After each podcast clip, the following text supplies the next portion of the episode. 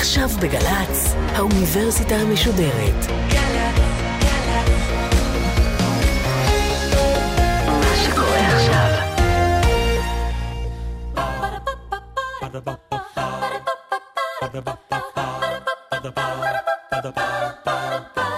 האוניברסיטה המשודרת מציגה סמסטר סתיו על סרטי פולחן ישראלים. השבוע גבעת חלפון אינה עונה עם הדוקטור גלעד פדווה, מרצה בפקולטה לחברה ותרבות בבית ברל ובאוניברסיטה הפתוחה. והפעם גבעת חלפון מול המיליטריזם בקולנוע הישראלי.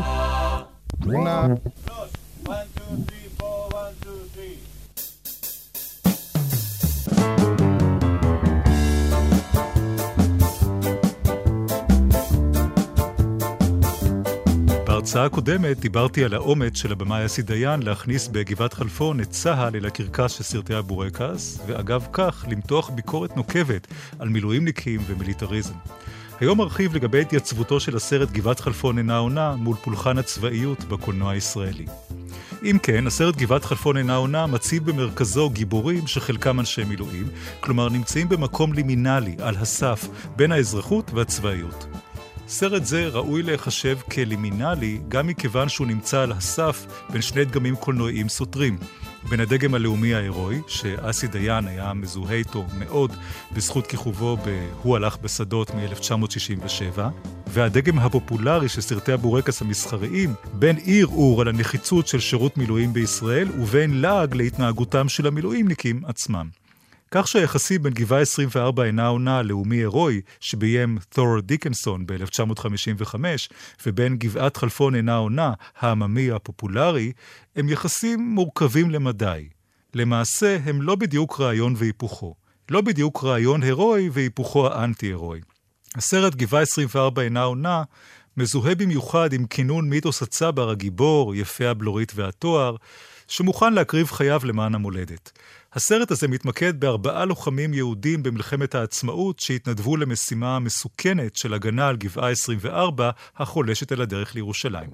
היהודי-אמריקני אלן גודמן, השוטר האירי הקתולי ג'יימס פיניגן שהתאהב בלוחמת מחתרת יהודייה ובאידיאולוגיה הציונית, הלוחמת התימנייה אסתר הדסי, שמוצגת באופן שוביניסטי וגזעני למדי, והצבר השורשי יפה הבלורית והתואר, דוד עמרם, בגילומו של אריק לביא הצעיר.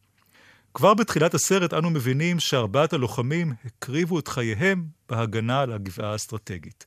הסרט הוא למעשה פלשבק אל חייהם של הנופלים והנסיבות שהובילו כל אחד מהם להתנדב למשימה הקשה הזאת. בסצנה המרשימה ביותר בסרט גבעה 24 אינה עונה, דוד עמרם נלחם בערבות הנגב ונוטל בשבי חייל מצרי. החייל העברי, טוב הלב והמוסרי, מכניס את השבוי הפצוע למערה ומנסה לסייע לו. כשהוא קורע את חולצתו של השבוי, בגילומו של עזריה רפפורט, כדי לטפל בפצעיו, הוא מגלה לתדהמתו קעקוע של צלב קרס על גופו של החייל.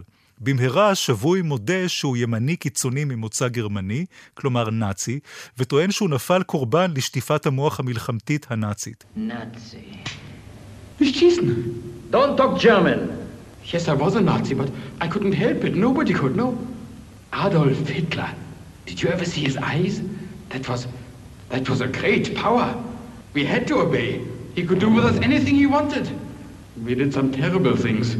Against your people, I mean. That, those were our orders. כשהוא נכשל בניסיונותיו לעורר אמפתיה אצל השובה הישראלי המזועזע, השד הנאצי מתעורר אצל השבוי והוא מציג עצמו לפתע כקצין אס אס ושמו ארתור הזלהוף.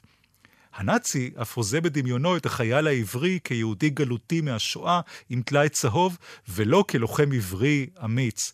כאן אולי כדאי להתייחס להבחנה המאוד חריפה בכלל בתרבות הישראלית, לא רק בקולנוע הישראלי, בין היהודי הגלותי ובין היהודי החדש במרכאות. היהודי הגלותי היה מזוהה עם פרנסה מנדבות, מצדקה, מכספי החלוקה שקיבלו תלמידי ישיבות למשל. והממסד הציוני בחר להנגיד את, ה, את היהודי החדש, הציוני ההירואי, לאותו יהודי גלותי שמתואר באופן, הייתי אומר, בחלק מהכתבים הציוניים, באופן כמעט אנטישמי, עד כדי כך, כמישהו שהוא חדל אישים, חיוור, מסכן, נותן לגוי להרביץ לו, אחד שלא יודע להחזיק ביד פטיש, לא כל שכן לא יודע להחזיק ביד מחרשה, לא מסוגל אה, לחיות מיגיע כפיו, אלא רק מנדבות של אחרים. ואני עוד זוכר את מקראות ישראל כמספיק עתיק לזכור שהם אה, לא פעם הוצגו היהודים הגלותיים כלמדנים בבית המדרש, הם תמיד חיוורים, מזוקנים, לא נעים להגיד, לפעמים גם ציירו להם אף ארוך ועיניים שיוצאות מאחורים. מאוד מאוד בעייתי, הציונות נזקקה לאותו יהודי גלותי כדי להראות כמה היהודי העברי החדש שהיא מייצרת עדיף כדי לחזק את מעמדה, כדי להיתפס בעיני עצמה, ובעיקר לחנך את העם היהודי לדגול בציונות, כלומר, לתעב, הייתי אומר, עד כדי כך את היהודי הגלותי. כתב על זה הרבה מאוד למשל אה, ברנר, שגם אה, במידה רבה התחשבן עם ההבחנה או הדיכוטומיה, ההבחנה החריפה הזאת בין היהודי הגלותי ובין היהודי החדש. זה גם לא מקרי בכלל שהיהודי החדש מתואר בפוסטרים למיניהם, וגם בסרטי הקולנוע הלאומי, כשרירי, כיפה בלורית ותואר. היופי הגופני, הגבריות הבוטחת שלו, מנוגדת לנשיות המסוימת של היהודי הגלותי, שהוא חיוור ונחבא אל הכלים. אם נחשוב למשל על אה, זיגמונד פרויד, הפסיכואנליטיקן הכל כך מפורסם, אותו יהודי וינאי, פרויד היה מאוד בעד הרעיון הציוני, והוא uh, מספר באחד המקומות שכשהוא היה קטן, הלך עם אבא שלו ברחוב בווינה, הגיע גוי, הרביץ מכה לאבא שלו והחטיף לו מכות ולמעשה סילק לו את הכובע מהראש. האבא והילד ברחו מהר מהר משם, ורק אחרי שהם וידאו שהגוי נעלם, הם חזרו למקום, אספו את הכובע והתרחקו משם במהירות. פרויד זוכר שכילד הוא כל כך בעצם כאב את הכאב של אבא שלו, את העלבון הזה של להיות uh, יהודי שהוא לא אדון לגורלו, שהוא נתון לחסדיהם של הגויים, ברצותם uh, יכבדו אותו, ברצותם ירביצו לו, ולכן uh, פרויד חשב שהציונות היא זו שבאמת תאפשר את ההיווצרות של יהודי חדש, מה שמקס נורדה, הוא קרא יהדות השרירים, היהדות הגיבורית, ההירואית. והקולנוע הלאומי ההירואי, בוודאי הסרט הזה, גבעה 24 אינה עונה של טורו דיקנסון, מאוד מאוד משתף פעולה עם אותו מנגנון של ייצור היהודי החדש ההירואי על חשבונו של היהודי הגלותי. אם כך, אנחנו uh, רואים שהשבוי מודה שהוא לא באמת ערבי, אלא למעשה הוא uh, פושע מלחמה נאצי שהצליח uh, לחמוק מעונש והתגייס לצבא המצרי. לא החייל העברי המוסרי הורג את הנאצי, אלא באופן ממש מטאפיזי, הצדק ההיסטורי הורג אותו. הרעיון הוא שהצל של השבוי הערבי, אנחנו רואים את הצללית שלו, צונחת ומתה. כלומר, הוא מת בגלל שהגיע לו למות באופן ממש מיסטי, באופן קוסמי כזה. המסר הפרו-מלחמתי של הסצנה הזו ברור ומצמרר למדי. האויב הערבי הוא בעצם נאצי, ועם נאצים הרי אי אפשר לנהל משא ומתן, אלא יש להילחם בהם. כאשר יצא לאקרנים הסרט גבעה 24 אינה עונה ב-1955, רבים מהנוכחים באולם היו לוחמי מלחמת העצמאות, והזיכרון של החברים שהם איבדו בקרב היה אצלם עדיין טרי מאוד. צריך לזכור שהיישוב היהודי בארץ ישראל פלסטינה הקריב אחוז שלם מהיישוב במלחמת 48, במלחמת העצמאות. מדובר במספר עצום של 6,000 נופלים, זה המון. ובאולמות הקולנוע גם ישבו אנשים מקבוצה נוספת, שהייתה מאוד uh, בולטת, ניצולי השואה הרבים ששוחררו ממחנות המוות הגרמניים כעשר שנים בלבד לפני הסרט גבעה 24 אינה עונה. אלה גם אלה התרגשו הדמעות מהקטע שבו הלוחם העברי העשוי לבלי חת, נוטל בשבי חייל מצרי ומטפל בפצעיו, ומגלה כי השבוי אינו אלא קצין נאצי מפלצתי בתחפושת של חייל ערבי. לפיכך, המניפולציה הלאומנית הגסה של יוצרי גבעה 24 אינה עונה הייתה יעילה למדי. הם נגעו בעצבים החשופים ביותר בחברה הישראלית באותה תקופה. בקבוצת לוחמי תש"ח ובקבוצת ניצולי השואה, בעשור הראשון לקיומה של המדינה. לעומת הדיוקן ההירואי של הלוחם בגבעה 24, בסרט גבעת חלפון אינה עונה, החיילים אינם מוצגים כמי שמגינים על המולדת, וחלקם בכלל מילואימניקים הנמצאים על התפר שבין אזרחות לצבאיות. או כפי שאחד מהם מכנה את המדים שלו, תחפושת. הם לא מצילים את המדינה, הם לא באמת מוכנים להקריב עצמם למענה, והערבים לא מוצגים בסרט גבעת חלפון כאויב אכזר, לא כל שכן כאויב נאצי. יש הבדלים מעניינים בין הסרט הלאומי-הירואי גבעה 24 אינה עונה, שמתיימר לחנך את הצופים ולגרום להם להזיל דמעות כמיים, ובין סרט הבורקס, גבעת חלפון אינה עונה, שמבקש בראש ובראשונה להצחיק אותם.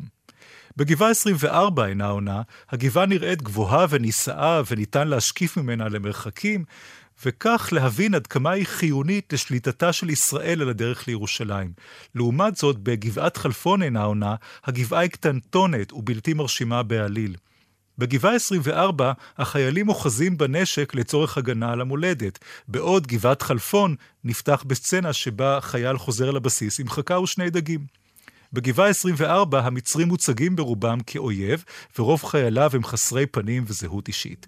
לעומת זאת, בגבעת חלפון, שנעשה כ-20 שנה מאוחר יותר, המצרים מקבלים פנים, שמות ואפיונים אינדיבידואליים, לפחות בסצנה אחת בסרט. בגבעה 24 אינה עונה, חייל מצרי הוא זה שנופל בשבי הישראלים, ומתגלה כקצין גרמני, נאצי, ארתור הזלהוף, בתחפושת שמטרתה להעביר לצופים את המסר הבעייתי שהערבים כמוהם כנאצים, ולפיכך אי אפשר לנהל איתם שום משא ומתן, הרי לא מנהלים משא ומתן עם נאצים. ואילו בגבעת חלפון, טבח מילואימניק ישראלי ושמו ויקטור חסון, שפירוש שמו ניצחון חזק, הוא זה שנופל בשבי המצרים, אך חבריו משחררים אותו, לאחר שהתחזרו לחיילי או"ם שוודים, כאשר השבי, חקירת השבוי ופדיון השבוי, מוצגים כמהטלה אווילית ולא כטראומה. בגבעה 24 יש הפרדה קולוניאליסטית, חדה ובלתי מתפשרת בין הלוחמים הישראלים, רובם מוצגים כגברים אשכנזים ממוצא אירופאי, ובין הילידים, הלוחמים הערבים מהלבנט. ואילו בגבעת חלפון, הטבח השבוי ויקטור וחוקר השבויים המצרי מגלים כי לשניהם שורשים משותפים בעיר החוף המצרית אלכסנדריה, ומעלים יחד זיכרונות מתוקים מעיר הולדתם. יתרה מזו, גבעה 24 אינה עונה, כי כל החיילים שהגנו עליה מתו מוות הירואי בהגנה על הגבעה. את זה מבינים אגב כבר מהדקות הראשונות של הסרט, גבעה 24 אינה עונה. ואילו גבעת חלפון אינה עונה, כי החיילים עסוקים במעשי שובבות ילדותיים וחוששים משיחת טלפון שתחייב אותם להזיז את ישבנם, להרים ראשם מהדיונה, כמו שאומר השיר, ולהשתתף בפעילות מבצעית משמעותית, ולפיכך מסוכנת יותר. הראש הקטן של המילואימניקים בגבעת חלפון אינה עונה, מנוגד באופן קיצוני לאופן החשיבה של גיבורי הסרטים הלאומיים, המלחמתיים, עתירי האופוריה. למשל, המטרה טיראן, שביים רפאל נוסבאום ב-1967, מספר על יחידת מילואים מסוג שונה לחלוטין מיחידה 883 הפדיונית והמוקיונית של גבעת חלפון. אמנם גם ב"המטרה טיראן" מופיעים חברי הגשש החיוור, שייקה לוי, גברי בנאי וישראל פוליאקוב, אבל יחידת המילואים שמוצגת שם היא יחידת מילואימניקים מובחרת והירואית שעוסקת במשימות מיוחדות. היחידה הזאת נשלחת בעת מלחמת ששת הימים לפוצץ תחנת מכ"ם רוסית באי טיראן, החולש על מפרץ אילת. הסרט מדגיש שההירואיות של הלוחמים הישראלים מתבטאת לא רק ביכולתם הצבאית המרשימה, אלא גם בחוסן המוסרי שלהם ובשמירה על טוהר הנשק. ההשראה באה ליוצרי הסרט המטרה טיראן מסיפורה של שיירת הל"ה, שהעדיפה שלא להרוג רועה צאן ערבי, והרועה דיווח על התקדמותה לליגיון הירדני שהתנפל על השיירה. בדומה, הסרט המטרה טיראן הציג לוחמים עבריים ערכיים. הם מעדיפים שלא לרצוח שבויים הנופלים בידיהם, אך אלה מדווחים לגדודים המצריים שתוקפים את הישראלים. הסרט המטרה טיראן דומה אגב במידה לא מועטה לסרט אמריקני תותחי נברון מ-1961, שמתמקד בקבוצת קומנדו של שישה גברים מסוכסים מצבאות בעלות הברית במלחמת העולם השנייה. החבורה בכיכובם של אה, ענקי מסך אמריקני כמו גרגורי פק, דיוויד ניבן ואנטוני קווין, יוצאת לפוצץ שני תותחי חופים ענקיים במערה חצובה בסלע מעל הים האגאי, וכך לאפשר את שחרורם של אלפיים שבויים בריטים העלולים ליפול טרף בידי הגרמנים. הסרט הישראלי המטרה טיראן והסרט האמריקני תותחי נברון כאחד מקדשים את אחוות הלוחמים, העוצמה הגברית, הדבקות במשימה וההצדקה הרעיונית לבצע אותה. הבטחת ביטחון המדינה והצלה דחופה של חפים מפשע ממלטעות האויב צמא אדם. שיכרון החושים שעורר הניצחון של צה"ל במלחמת ששת הימים הוביל להופעתם של סרטים לאומיים נלהבים נוספים לאורך 1967. יחד עם הסרט המטרת איראן יצא למסכים סרטו של אורי זוהר, כל ממזר מלך. בחלקו הראשון של הסרט, יהורם גאון מגלם את דמותו של יורם, נהג בוס המשרת את הכתב האמריקני הציניקן רוי המינגס, ובעיקר קופץ ממנוחה למנוחה וממיטה למיטה. יורם חש כי חייו חסרי משמעות, ריקניים, נוחים מדי ומשעממים מדי. בחברת ידידו, לוחם השלום האידיאליסט והפתטי, רפי, בהשראת דמותו של אייבי נתן, בגילומו של עודד קוטלר. רק כאשר יורם מקבל צו גיוס, הוא מצליח להטעין את החיים שלו במשמעות. אדוני, אדוני, אדוני, אדוני, אדוני, תודה רבה לך, אדוני. מה קרה? מה יש? סוף סוף, צו קריאה. אני ידעתי שהם לא יסתדרו בלעדיי, אני ידעתי את זה. מסכנים הערבים, אני מגיע! ופתאום, כל ממזר מלך הופך מסרט מסע קומי איטי לסרט פעולה מלחמתית זזיתי. הייתי אומר שיורם הופך ליורמבו, שילוב של יורם ורמבו, כשהוא מוצג כקצין צנחנים נועז שמחלץ לוחם פצוע שנלכד בטנק הבוער, ובהמשך הסרט הוא מבקר אותו בבית החולים, מביא לו ריבה, וקולו משתנק מדמעות. לפי ההיגיון הפטריארכלי, הפרס שבו זוכה המאצ'ו יורם הוא כמובן האישה. במקרה שכל ממזר מלך, זו קצינה קיבוצניקית יפהפייה שנופלת בקלילות בקסמו של היורם. כעבור עשר שנים יחזור יהורם גאון לגלם לוחם ישראלי מסוכס באפוס המלחמתי מבצע יונתן של מנחם גולן, אותו סרט שמפאר ומעצים את המבצע הצבאי לשחרור בני ערובה הישראלים בנמל התעופה אנטבה באוגנדה. גאון מגלם שם את יוני נתניהו שנפל בעת שחרור השבויים מידי הטרוריסטים הפלסטינים. ככלל, מלחמות כמו מלחמת העצמאות, מבצע קדש ומלחמת ששת הימים, הובילו ליצירתם של עשרות סרטים באווירה לאומית פטריוטית, המקדשת את הקרבת החיים הצעירים על מזבח ביטחון האומה. אף מבצע צבאי הירואי כמו מבצע יונתן, הוביל ליצירתם של סרטי פעולה עמוסי אידיאלים, עופרת ודם, כמו הסרט הישראלי מבצע יונתן, והסרט האמריקני המתחרה מבצע אנטבה. בדומה למניפולציה בגבעה 24 אינה עונה, גם מבצע יונתן השווה בין ערבים ונאצים, לא רק על ידי הדגשת נוכחותם של מספר בני ערובה שהם ניצולי שואה, אלא בעיקר בדמות הטרוריסט הגרמני, לפי דמותו האמיתית של וילפריד בזה, שבמציאות היה אנרכיסט שמאלני קיצוני מהארגון הקומוניסטי תאי המהפכה, שחולל לא מעט מעשי טרור בגרמניה באותה תקופה, וגם שיתף פעולה עם ארגוני טרור פלסטינים אז. הוא הוצג באופן מטעה בסרט מבצע יונתן, באופן המזכיר יותר ימני קיצוני גרמני, כלומר נאצי, שכל רצונו להשמיד ישראלים בשל יהדותם. ההשוואה הבוטה והמטעה בין ערבים ונאצים, כולל ההשוואה בין אדולף היטלר ובין המופתי חאג' אמין אל-חוסייני, זו בעצם המצאה ישנה מאוד. מעניין שלא כל מלחמות ישראל הובאו בגלים של סרטים פטריוטיים מתלהמים. למשל, מלחמת ההתשה בשלהי שנות ה-60 לא לוותה בחזיונות גבורה קולנועיים. רק כעשור לאחר התרחשותה, הסרט הלהקה של אבי נשר משנות ה-70 עסק בעקיפין במלחמת ההתשה, תוך התמקדות בחברי הלהקה הצבאית שמבדרת את חיילי צה"ל בעיצומה של אותה מלחמה, ולא בלוחמים עצמם. כ-20 שנה אחרי מלחמת ההתשה, הופיע סרטו של רנן שור, בלוז לחופש הגדול, והציע מבט אנטי-הירואי ואנטי-לאומני על אותה מלחמה, המוצגת כמיותרת, תוך ביקורת חריפה בדיעבד על גולדה מאיר, ראש הממשלה בתקופת מלחמת ההתשה, שמוצגת בבלוז לחופש הגדול כמי שבזה לפניותיו שגמל עבד אל-נאצר לפתוח עימה במשא ומתן לשלום בין ישראל ומצרים.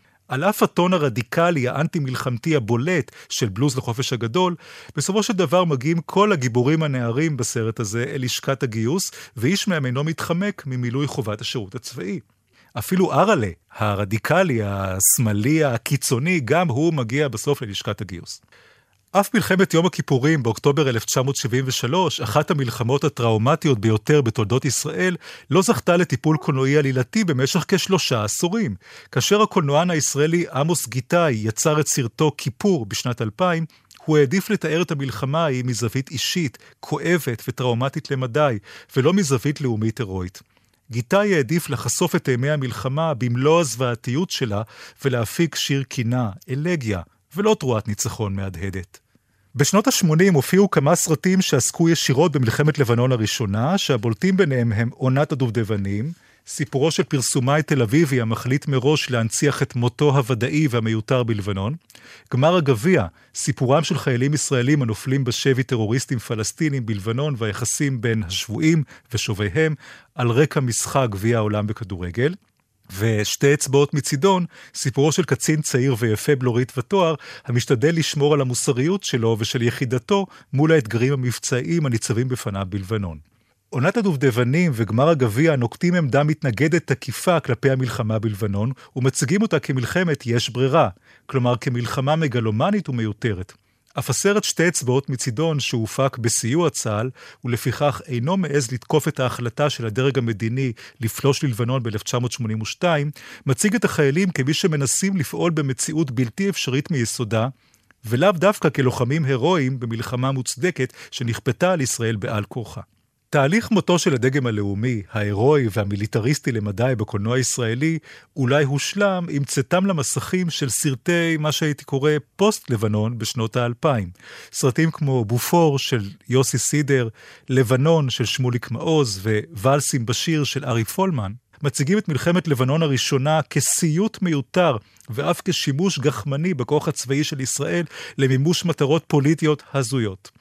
המלחמה בסרטים אלה אינה מצטלמת כמבצע הירואי של הטובים למיגור הרעים בעולם, אלא כגיהנום מלא אדמות שחיילים אינם מזדהים עם תכליתו ואינם חפצים להימצא בו. זכורה היטב הסצנה בסרט בופור, שבה משולב ראיון טלוויזיוני עם אב שכול, שתוקף את הסיטואציה האכזרית והמיותרת לדעתו של מה שהוא מכנה ברווזים במטווח, שלתוכה נקלע הבן שלו עקב מצעד האיוולת. העורך שלנו הערב הוא עמוס פרד.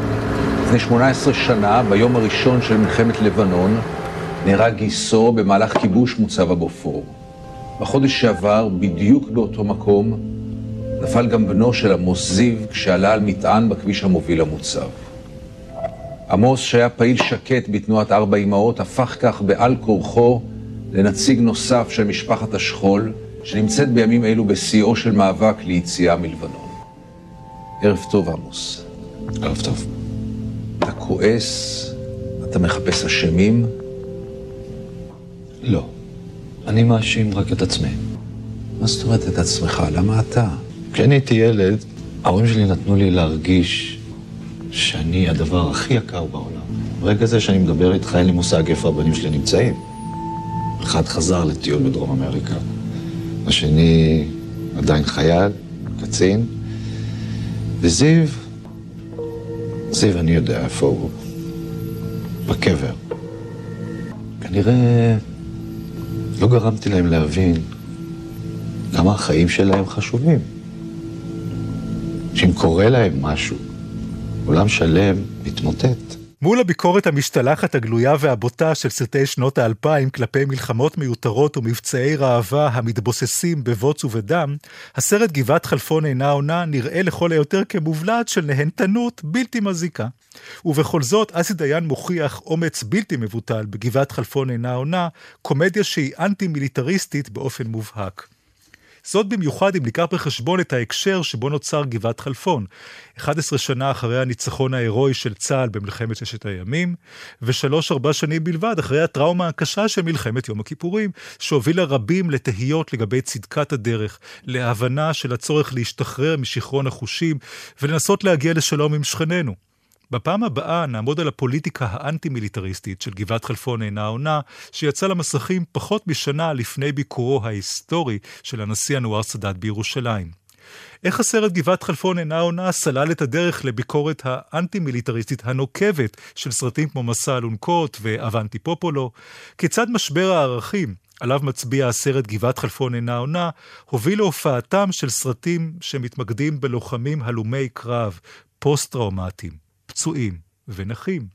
ולהבדיל, כיצד גבעת חלפון אינה עונה, סלל את הדרך לסרטי פרודיה ישראליים שמבקרים באופן משעשע ונשכני, מותחים ביקורת פרודית על הצבא בכלל ועל חוויית המילואים בפרט.